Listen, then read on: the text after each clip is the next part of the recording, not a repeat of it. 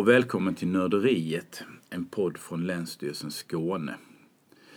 Nörderiet gör vi för att hylla specialkunskapen och det är ju något som vi på Länsstyrelsen gillar för vi har väldigt många medarbetare som kan väldigt mycket. En av dem är Gunilla Holmlin. Välkommen hit Gunilla. Mm, tack ska du ha. Du jobbar för, på enheten för samhällsetablering och integration och idag ska vi prata om bosättningslagen för nyanlända. Och vi kör några snabba frågor på den. Mm. Vilka omfattas av bosättningslagen? Eh, den gäller för vissa nyanlända. Eh, det finns vissa kriterier och grunder för vilka som ska omfattas av bosättningslagen. Och förenklat kan man säga eh, att det är nyanländ som beviljas uppehållstillstånd som skyddsbehövande. Det vi till vardags säger flyktingar om. Ja. Omfattas ensamkommande barn av den här lagen? Nej. Nej. Anhöriga? Anhöriga? Eh, I vissa fall, om, om den anhöriga har beviljats uppehållstillstånd på grund av anknytning till person som har beviljats uppehållstillstånd av, av flyktingskäl så, eh, ja, av vissa bestämmelser då inom utlänningslagen så kan, så kan de ingå. Eh, men annars så kan man säga grunderna för uppehållstillstånd finns många olika eh, bakgrunder eller skäl till i Sverige. Eh, och flyktingar har ökat lite det senaste året, eller förra året. Mm. Så av alla uppehållstillstånd som beviljades förra året så var 35-40 procent flyktingar. Eh, övriga var eh, hade fått uppehållstillstånd på grund av eh, arbete eller ja, som anhörig då. Eh, mm. Och då är det vanligaste vi säger kärleksinvandring då. Mm. Eh, eller återvändande svenskar. Att man De har bott utom... räknas också in i den statistiken av personer som får uppehållstillstånd. Ja, om Mm. du har bott utomlands i tillräckligt många år. Mm. Så kan det vara så. Mm. Den här då, lagen heter ju då mottagande av vissa nyanlända invandrare för bosättning. Vi kallar den bosättningslagen. Och det är då en eh, intressant lag tycker vi och du, ska, du får förklara varför. Ja, det är ju så att den trädde i kraft i mars 2016. Och nu, ja, den har varit igång i två år. Mm. Eh, regeringen anser att flyktingmottagandet är ett gemensamt ansvar för hela samhället och att alla kommuner behöver bidra. Eh, tidigare så tecknade länsstyrelserna frivilliga överenskommelser med kommunerna om flyktingmottagande. Eh, och man hade gjort lite försök till förändringar som syftade till att stimulera kommunerna att ta emot fler nyanlända. Men redan eh, 2013-2014 så såg man att behovet av anvisningsbara platser var betydligt högre än vad, än vad vi hade i våra överenskommelser med kommunerna. Och så skulle det se ut flera år framöver. Så, eh, och då, det innebar att många flyktingar som hade fått uppehållstillstånd fick bo kvar på anläggningsboendena som då är, är i Migrationsverkets regi så länge du är asylsökande. För, och för det fanns inte tillräckligt med platser hos kommunerna. Eh, och då konkurrerade ju Migrationsverket om samma lägenheter som kommunerna eh, skulle behöva till de som skulle bli kommunmottagna. Eh, det innebar ju också för individen, de nyanlända individerna att, att etableringen fördröjdes. Man kom ju inte ut eh, till kommunen och kunde påbörja planen hos Arbetsförmedlingen och komma ut i arbete och praktik och så. Mm. Så det var negativt ur många aspekter. Eh, och därför så kom det här lagförslaget och lagen eh, trädde då också i kraft 2016. Och det var alltså det, kom, det var ju efter den stora flyktinghösten men då hade den planerats i flera år så det, har, det, det är liksom inget svar på den stora flyktinginvandringen eh, 2015. Nej, det är det inte. Man, man hade ju sett att, att eh, antalet flyktingar ökade i prognoserna Mm. tidigare. Och vi kunde ju se det kom ju betydligt fler ensamkommande barn. Det började ju öka då, framförallt 2014. Har den fungerat då den här lagen? Eh, alla visste nog redan innan att, att den inte skulle liksom lösa alla utmaningar och planeringsförutsättningarna. Eh, eftersom de nyanlända kan välja var de vill bo ändå. Eh, om man vill och om man kan. Eh, men Eh, det korta svaret är ju att ja, det har den ju. Eh, alla kommuner tar ju nu emot flyktingar på anvisning. Så på det sättet så har den ju ändå eh, underlättat och bidragit att de nyanlända kommer ut snabbare. Mm. Har du några siffror på det? Ja, då får jag tjuvkika lite här. Om vi tar 2015 och Skåne som exempel. Då hade vi ett länstal kallar man det för. Man, man har fördelat eh, hur många eh, anvisningsbara platser som behövs i landet och sen så får, får varje län ett tal tilldelat. Då hade vi 1828 anvisningsbara platser och jag pratar ju bara om vuxenmottagandet nu, mm. bosättningslagen. Mm. Eh, men det var enbart 284 nyanlända som blev mottagna i vårt län, mm. hos kommunerna. Och detta var sa du 20? 2015. Ja. Totalt kom det drygt 6 000 nyanlända till Skåne. Det är ju de som också självbosätter sig då och mm. ensamkommande barn. Mm. Så, så vi hade inte så många anvisningsbara platser i våra frivilliga överenskommelser. Mm. Eh, så, så såg det ut då. Eh, före lagen? Före lagen. Mm. Men förra året, 2014, då skulle Skånes... 18, 18 var det förra året väl? 2017? Ja, okej, okay, förlåt. Förra året, 2017, mm. då skulle mm. Skånes kommuner ta emot 2793 mm. anvisade nyanlända. Eh, och det gjorde de. Så det är ju fantastiskt att man ändå lyckades eh, öka sitt mottagande mm. i den omfattningen. Just. Mm. Och då talar vi de här anvisningarna då mm. som är till för att eh, ja, fördela det här så att det blir lite mer rättvisande systemet kanske man kan säga. Tidigare så var det ju eh, det var inte alla kommuner som hade ett flyktingmottagande. Ja, just det.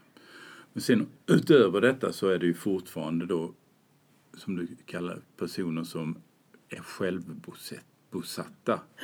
Påverkar de det här systemet då? Eh, ja, men det gör det ju. För, för, den, för den här lagen var ju också till för att kommunerna skulle få lite bättre planeringsförutsättningar. Att, att mm. veta hur, ha ett ordnat mottagande helt enkelt. Men, men det är ju fortfarande fritt fram för, för de nyanlända att, att bosätta sig själva.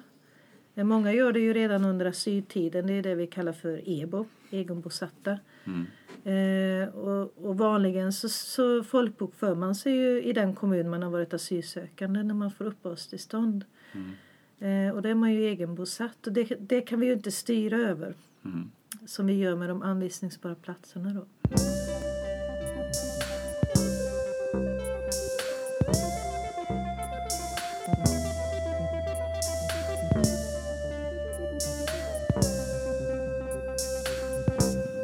Tänkte vi kanske kan gå in på det här för, för det då, du talar ju om länstal, det är ju då, då får Skåne liksom en, ett tal. Och sen så ska det här då fördelas på kommunerna. Skåne har ju 33 kommuner. Hur avgörs så många nyanlända en kommun ska ta emot? Eh, när det gäller länstalet då så är det Migrationsverket som nu för tiden har i uppdrag av regeringen att ta fram eh, förslag mm. på länstalen till eh, oss läns, ja, 20, de 21 länen vi har i landet. Mm. Eh, och det är då regeringen som beslutar om länstalen. Mm. Eh, länsstyrelserna beslutar sedan om kommuntalen utifrån det tilldelade länstalet. Eh, och det ser ju olika ut hur man löser, hur man, hur man beslutar om kommuntalen. Eh, I Skåne har vi valt att följa Migrationsverkets eh, beräkningsunderlag. Mm. För att vi ser det som mest rättvist i nuläget. Mm. Och vad grundas det här beräkningsunderlaget mm, på då? Då är det flera variabler. Det är, det är ett ganska komplext beräkningssystem men det handlar om befolkningsstorleken, det sammantagna tidigare mottagandet och då räknar man in eh, ensamkommande och alla nyanlända då, både anvisade och självbosatta. Eh, man tar också med omfattningen av asylsökande som vistas i kommunen. Man tar med arbetsmarknadsförutsättningar. Eh, så, så ja, det är ett ganska komplext beräkningssystem som vi har bedömt att det kan vi använda eh, för att ha som underlag och besluta kommuntalen. Så jag repeterar här, alltså storleken på befolkningen i en kommun Mm. och det så många de har tagit emot tidigare alltså då. Nej, då är det all Eller? befolkning. Alla kommuninvånare. Ja, ja, befolkningsstorlek, det är en faktor. Så nästa fa- faktor var tidigare mottagande. Mm. Mm, Och det är ju inte hur många år som helst bakåt, Nej. men två år bakåt. okej. Mm. Och sen då sa du någonting, omfattningen av asylsökande som vistas i kommunen, vad betyder det?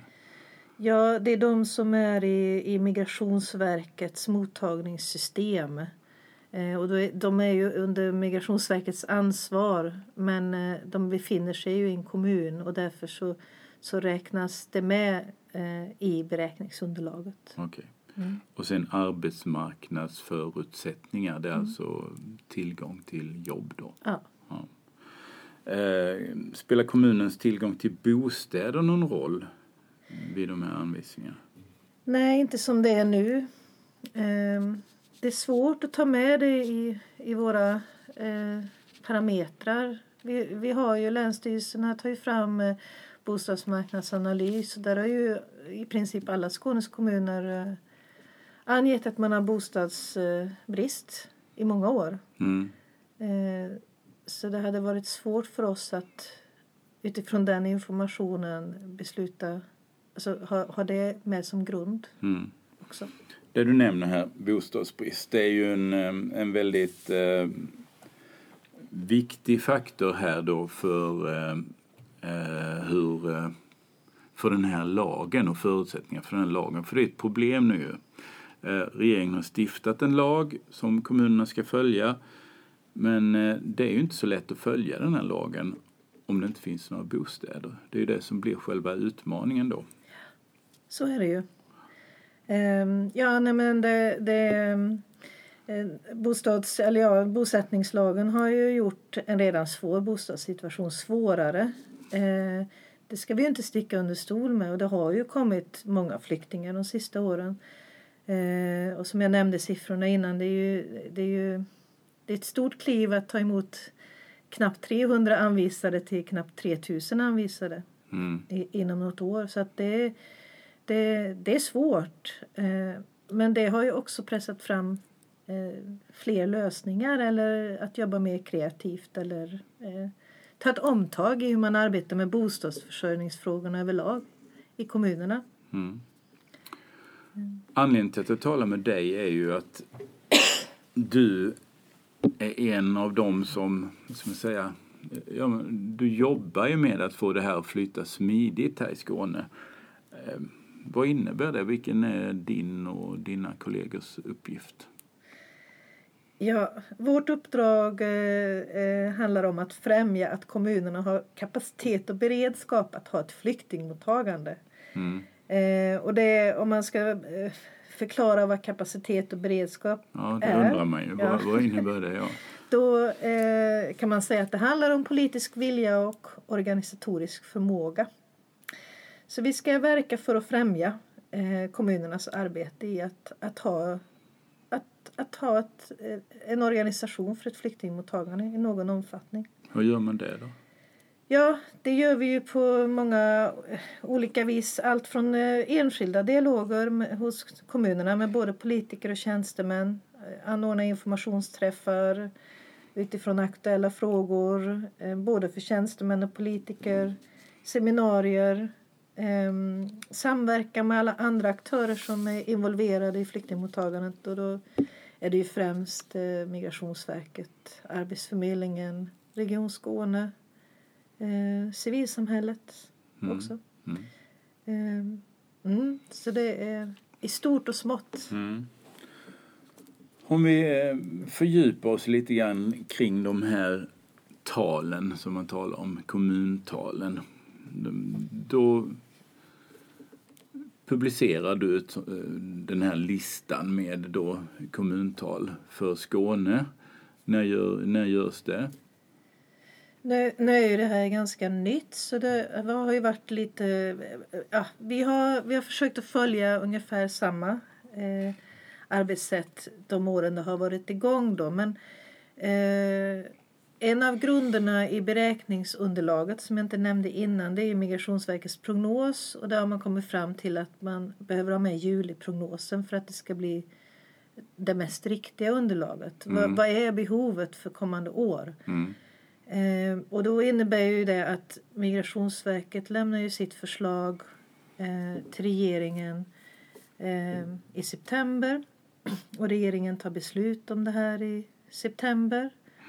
Eh, och sen dröjer det några veckor innan vi kan ta del av det beslutet och utifrån det kan ju vi ta beslut om kommuntalet. Mm. Eh, Och var hamnar vi då i tid? Oktober? oktober, mitten, slutet på oktober. Så ser det ut i år. Så såg det ut ungefär förra året också. Mm. Eh, men eh, vi försöker att vara transparenta eh, och dela med oss av det vi vet till kommunerna under tiden den här processen är igång för att, för att man ska ha underlag att, så tidigt som möjligt. Så vi, vi har skickat ut utkast på de kommuntal som vi har sett innan någonting är beslutat av länstal Mm. eller kommuntal. Eh, just för att man ska vara lite förberedd i kommunerna. Men så kommuntalen för 2019 kommer någon gång i oktober, kan man tro. Ja, Ja. Och sen då när, när eh, listan är publicerad, kan, kan talen justeras? ja dels eh, skulle eh, platsbehovet förändras eh, då kan ju Migrationsverket få i uppdrag att ta fram nya länstal. Och då behöver vi ta nya beslut om kommuntal. Mm. Men kommunerna har ju också möjlighet att sinsemellan göra överenskommelser om att ta varandras kommuntal. Mm. När som helst under innevarande år. Mm. Eh, så länge länstalet blir detsamma. Så vi behöver ju från Länsstyrelsens sida vara involverade i den processen då. Mm. Mm. Om man då ser till eh, det tidigare ledet, alltså vi har ju då en nyanländ person eller familj som då skall då anvisas. Och då befinner de sig någonstans, kanske på Migrationsverkets boende då, och får sedan en anvisning.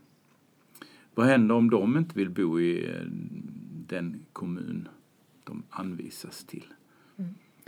Eh, ja, det kan vi förtydliga att, att de som anvisas kommer eh, alltid från anläggningsboende då. Ja. Eh, ABO som vi slarvigt säger.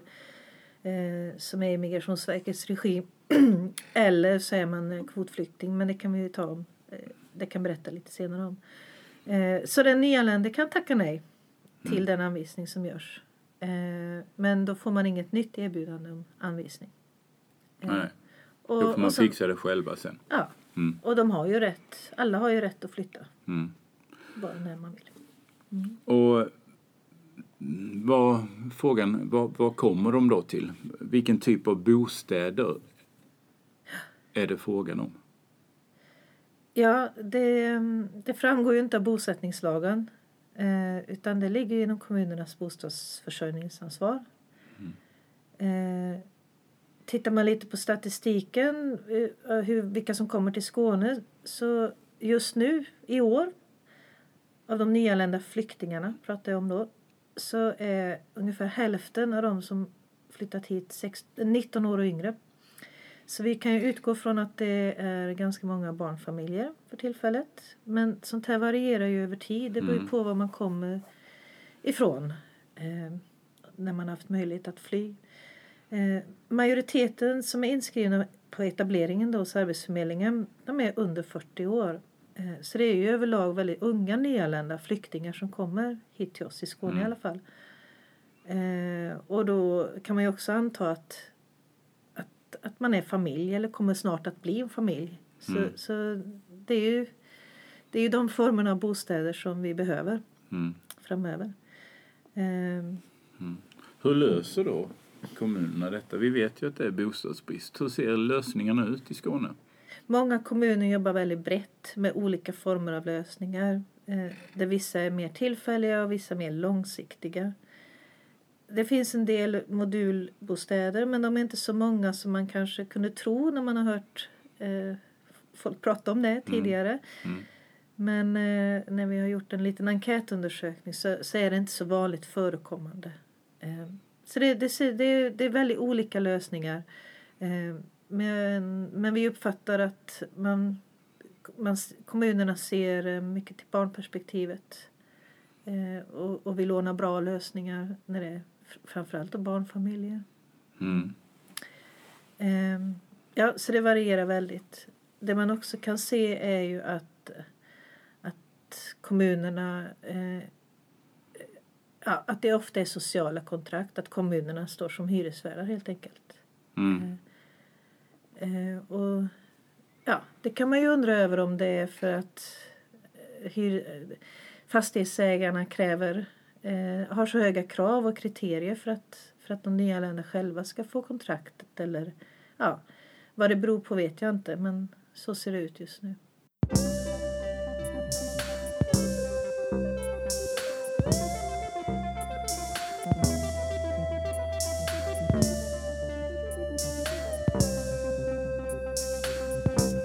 Skyldigheten för kommunen att ordna bostad gäller alltså i två år. Vad händer efter de här två åren då? Ja, det här med tvåårsperioden nämns ju ofta eh, på senare tid. Eh, det är en tolkning skulle jag vilja påstå som vissa kommuner har gjort.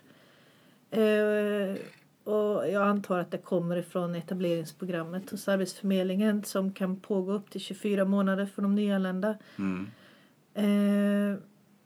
Ja, enligt bosättningslagen så är ju en kommun skyldig att efter anvisning ta emot en nyanländ för bosättning i kommunen. Och då folkbokför sig ju den nyanlända där och blir som vilken kommuninvånare som helst. Mm. Men kommunerna har ju ett ansvar att ha en organisation för ett visst flyktingmottagande. Och, och syftet är ju för att man ska underlätta och påskynda etableringen för de nyanlända som vi, har tagit, som vi ska ta emot här i Sverige. Eh, och då, när, ja, jag kan ju tycka att när det handlar om individer så kan det ju bli, kan det ju bli olyckligt att tolka tidsperioden på det här sättet. Eh, det gäller ju ja, det gäller ju generellt för alla målgrupper som står längre ifrån bostadsmarknaden eller inträdet på bostadsmarknaden har man ingen bostad ordnad så är det svårt att fokusera på studier och arbete. Och är du arbetslös och studerande så är det ju svårt att ordna bostad. Mm. Eh, och att, att ha två år eller 24 månader som gräns, det är ganska kort tid. Kan jag ju tycka. Mm. Eh, med ett kontrakt om du går och undrar över. Men det är ju bättre med med två år och 24 månader än, än tre månader eller sex månader. Mm. Mm. Men eh, vi har ju ganska nyss sett att en kommun, Lidingö, har sagt upp sina nyanlända som då hade bott i kommunen. Eh, och de sa ju upp dem efter två år och fick rätt till detta i förvaltningsdomstolen. Eh, frågan ska ju nu prövas av nästa instans för jag förstår men eh, detta är ju någonting att förhålla sig till. Hur ser du på den här saken? Men det är ju jättebra att det prövas. Bosättningslagen är ju ganska ny. Eh, och då, det finns ju, ja, vi vet ju inte vad som händer när, när man gör på vissa sätt. Så det är väl jättebra att det här prövas så vi kan få en, eh, en guidning, en ledning i eh, hur, hur det ska hanteras, hur man ska förhålla sig till lagen.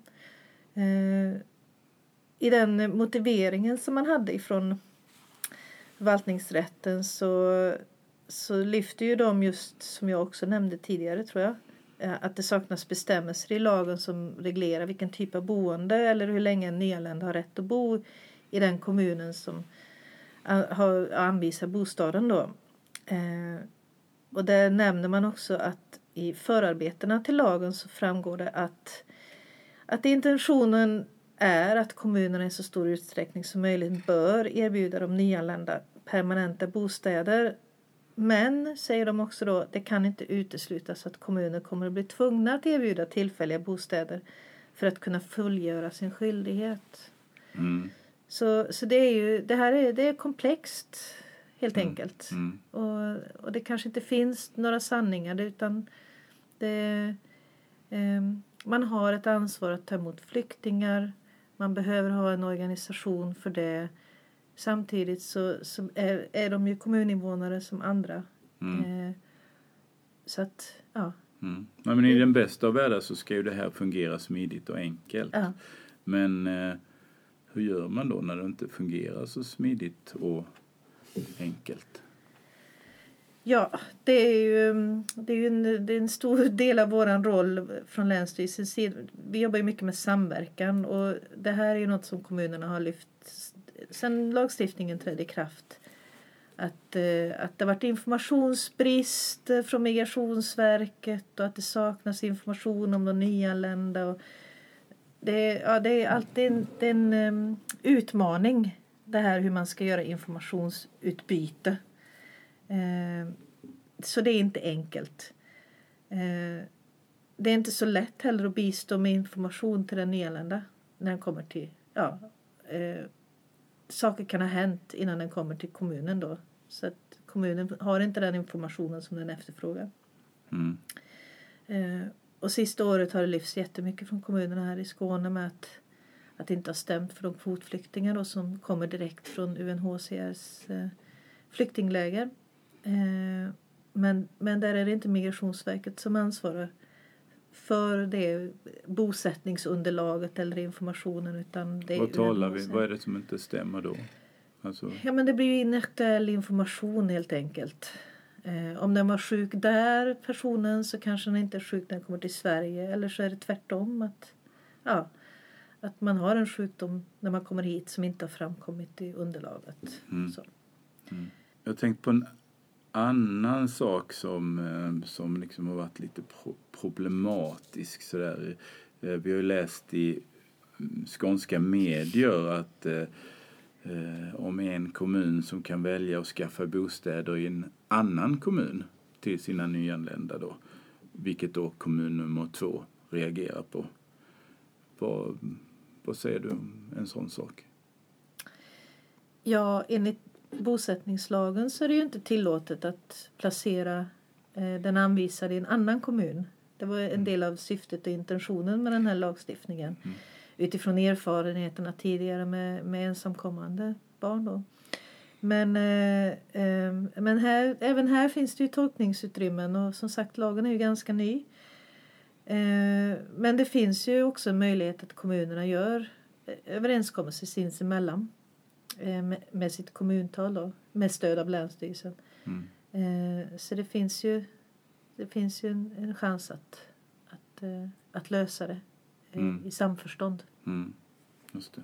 Man måste väl säga någonting om, om kostnader och så också. Är det, är det här dyrt för kommunerna? Ehm, jag skulle vilja säga att om man, om man inte har någon organisation för ett flyktingmottagande i någon form eh, och arbetet kring det, då, då blir det kostsamt. Det kostar med tillfälliga lösningar och akuta lösningar och så.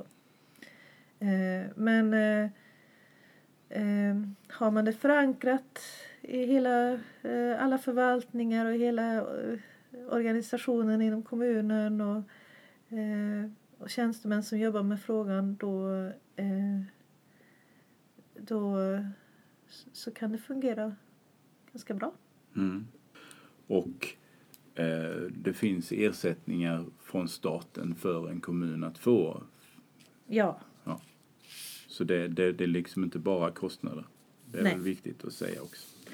Eh, det blir ju ofta, den här frågan blir ofta problemorienterad och vi har ju också talat om mycket sådant här idag. eh, Alltså sånt som är krångligt och som behöver redas ut och förtydligas och sådär. Men eh, finns det något positivt du kan berätta om kring, kring i de här frågorna?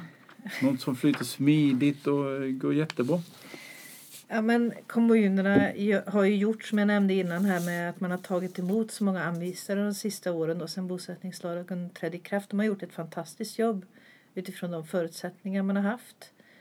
Eh, vi uppfattar också att man tar, man tar mottagandet på allvar och tar ett ansvar för det. Man vill ha ett gott mottagande. Eh, och att, ja, att man vill jobba kvalitativt med att man tidigt ska komma i, i studier eller arbete och, och komma in i vårt samhälle helt enkelt. Um, när det gäller exempel så ja, det är svårt att peka ut liksom, vissa kommuner så här, hur man jobbar eftersom det är 33 kommuner och alla har väldigt olika förutsättningar och det som fungerar bra i en kommun kanske inte fungerar bra i en annan. Men, men um, det finns ju ändå vissa framgångs... Uh, uh, faktorer. Faktorer, vi kan, precis. Ja, vi kan säga det. Istället för framgångskommuner ska vi säga framgångsfaktorer. Exakt. Och då, eh, då handlar det om långsiktighet i mm. arbetet. Eh, att man eh, eh är tydlig i uppdraget. Att man har en eh, organisatorisk förmåga, att man kan ordna den organisationen som man har i kommunen. Eh, och att man ser de nyanlända som en tillgång i kommunen. Eh, att har man bara skapat gynnsamma förutsättningar så, så, så kommer man snabbare in eh, i samhället och kan bli egenförsörjande. Mm. Mm. Så bra. Tack Gunilla. Det var superintressant att lära sig mer om eh, bosättningslagen. Och jag hoppas att ni som lyssnar tycker detsamma. Eh, jag säger tack till dig Gunilla. Ja, tack och eh, tack till er som lyssnat. Och vi här från Nörderiet återkommer inom någon månad och pratar om något annat. Mm. Hej så länge. Hej då.